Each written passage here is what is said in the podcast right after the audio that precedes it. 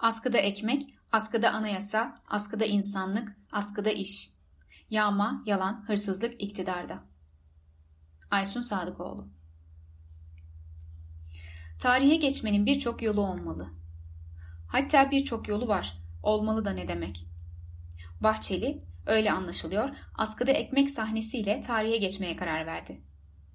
Bir makalede askıda ekmek Bahçeli sahnesini anlatmak mümkün mü bilmiyorum.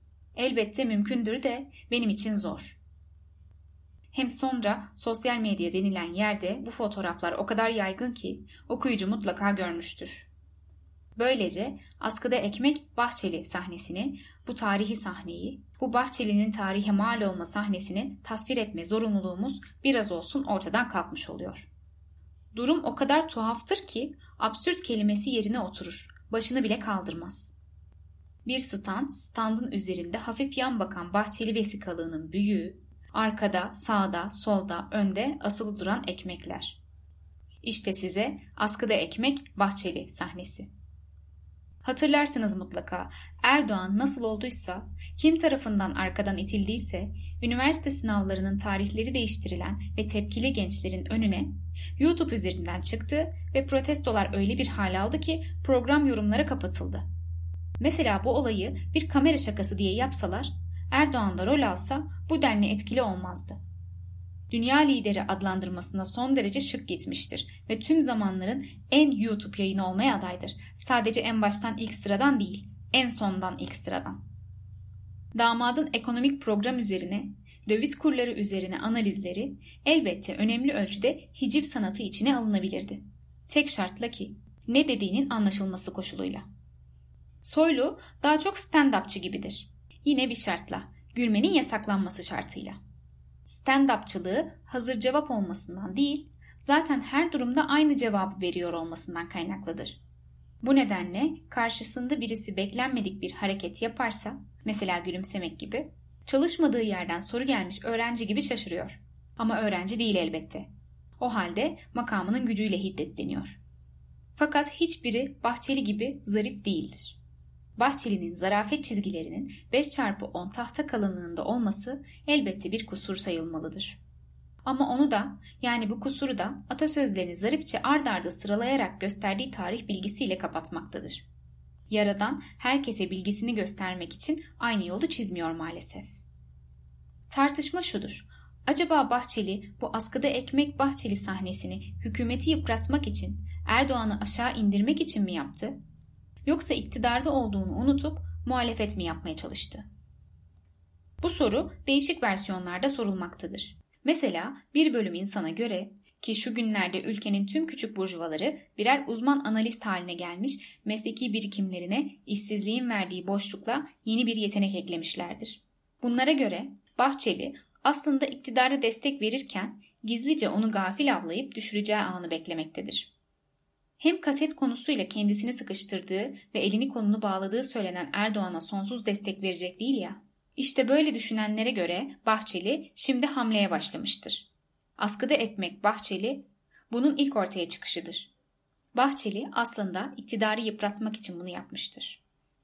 Böyle düşünenler olayın absürt yönünü gördükleri ve bunu Bahçeli'nin gafletine veremedikleri için Bahçeli'nin Erdoğan'a karşı harekete geçtiğini düşünmüyorlar. En başından beri Bahçeli'yi bir türlü anlayamadıkları için böyle düşünüyorlar.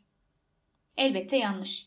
Bahçeli bunları yaparken Erdoğan'ın uyuduğunu söylemek çok çocukça bir düşünüş olur. Erdoğan neden bunu beklesin ve neden elini ondan çabuk tutmasın? Hem sonra Erdoğan askıda ekmek bahçeli sahnesini eleştiri olarak da ele almaz. Öyle olsaydı mesela YouTube yayınını organize edenleri işten atardı.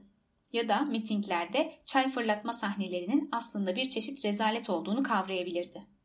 Ama bu görüş yani Bahçeli'nin bir gün iktidarı arkasından vuracağı görüşü iktidarı AK Parti MHP iktidarı olarak görmekten geliyor. Parlamentoyu çok önemli saymaktan, seçimleri de çok işlevli saymaktan ileri geliyor. Oysa ne parlamento parlamentodur, ne AK Parti ne MHP diye bir parti vardır. Kağıt üzerinde bunlar vardır elbet. Ama o kadar.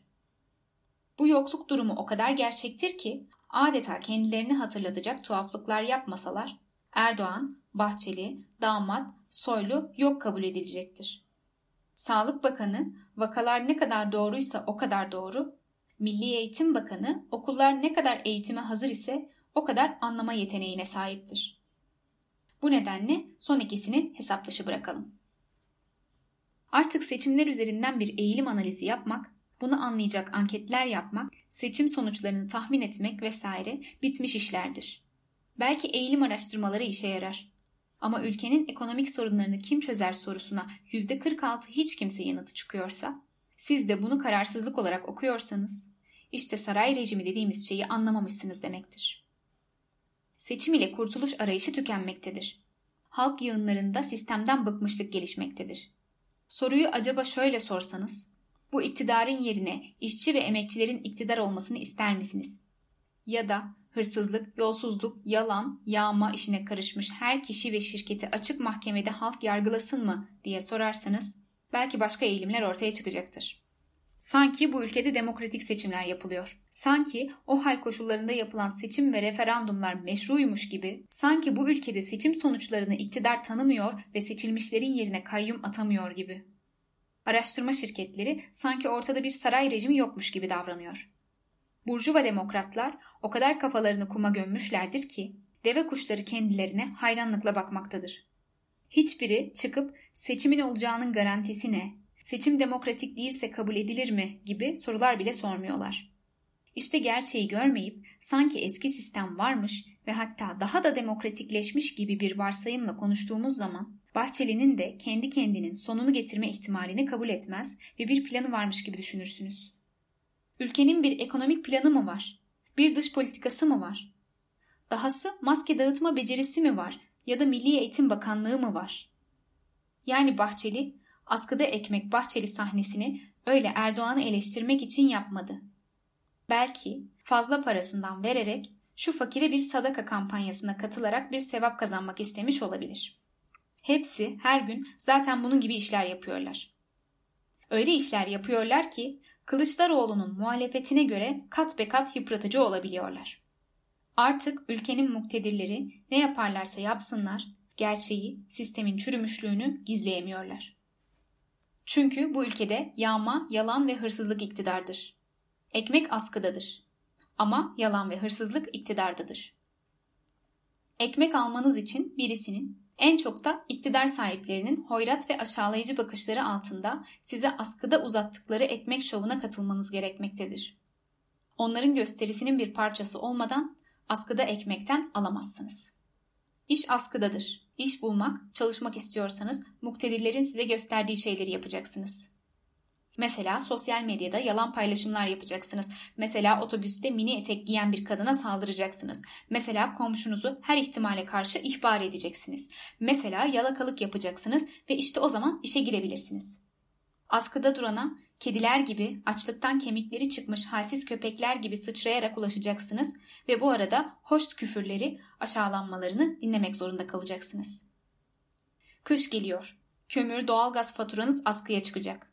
Siz yaltaklanmadan, onurunuzla, askıda olanı kapmadan, dürüstçe çalışarak yaşayamazsınız.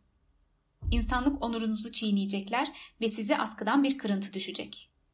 Pandemi ve ağırlaşacak olan kış koşulları olur da canınızı sizden almamış ise, hastane köşelerinde ölmemişseniz, en sevdiklerinizle birbirinize sokularak ısınacak, askıda faturanız ödenirse kendinizi şanslı hissedeceksiniz.''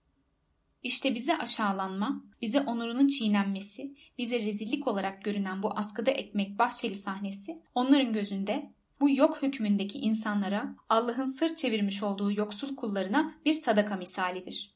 Yoksa Bahçeli'nin Erdoğan'a eleştirisi ya da yakında yan çizecek olmasının ilk işaretleri değildir. Ülkenin anayasası uzun dönemdir askıdadır. Hatta askıdan çıkıp rafa kaldırılmıştır. Hoş halk için halktan yana bir anayasa değildir hiçbir zaman. Ama ülkenin anayasasını askıya alanlar sadece iktidardakiler değildir. Aynı zamanda CHP, İyi Parti gibi muhalefet göreviyle iştigal edenlerdir de. İktidarda hırsızlık ve hırsızlar vardır.